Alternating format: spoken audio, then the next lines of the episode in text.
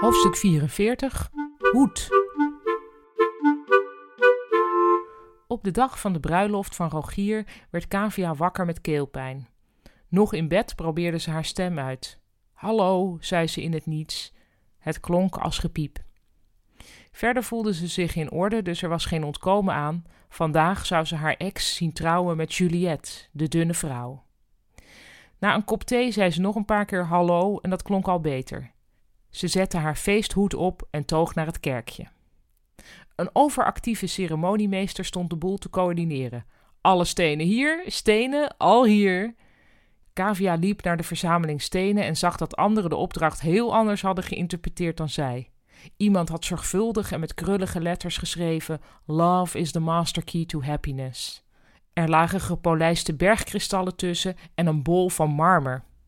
Zo onopvallend mogelijk probeerde ze haar grijze kei uit het tuincentrum erbij te leggen. De ceremoniemeester kwam erbij staan en zei: Apart hè, hoe divers zoiets wordt? Ja, nou, kraakte Kavia.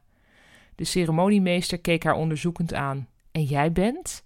Ik ben Kavia, zei Kavia met overslaande stem, de ex van Rogier. Heel goed dat je er bent, zei de ceremoniemeester en hij gaf een kneepje in haar schouder. Hij interpreteerde haar verkoude stem duidelijk als emotionele nood.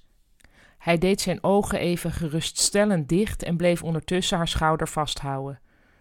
Toen ademde hij hoorbaar in en zei: Ik breng je alvast naar een fijn plekje in de kerk. Kun je lekker rustig even acclimatiseren. En dus zat Kavia even later in haar eentje op een harde kerkbank. Wat doe ik hier? vroeg ze zich af. Haar hoed jeukte en ze probeerde voorzichtig onder de rand te krabben. Ze had nu al spijt van die hele feesthoed. Het zag er tien minuten leuk uit, maar je kon hem niet afzetten, want de vacht eronder zat helemaal plat. Zou ze nog weg kunnen sluipen? Kon je zoiets maken? Maar toen begon het orgel al te spelen.